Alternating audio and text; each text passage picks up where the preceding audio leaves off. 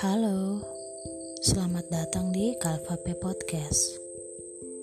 Di podcast ini nantinya akan berisi kutipan-kutipan buku dari penulis-penulis yang memiliki latar belakang teologi maupun tidak. Tapi nanti ada juga selingan-selingan seperti lagu-lagu atau musik-musik yang mungkin belum terdaftar di Spotify, terlebih khusus musik atau lagu rohani, baik itu yang berbahasa Inggris, Indonesia maupun bahasa Manado.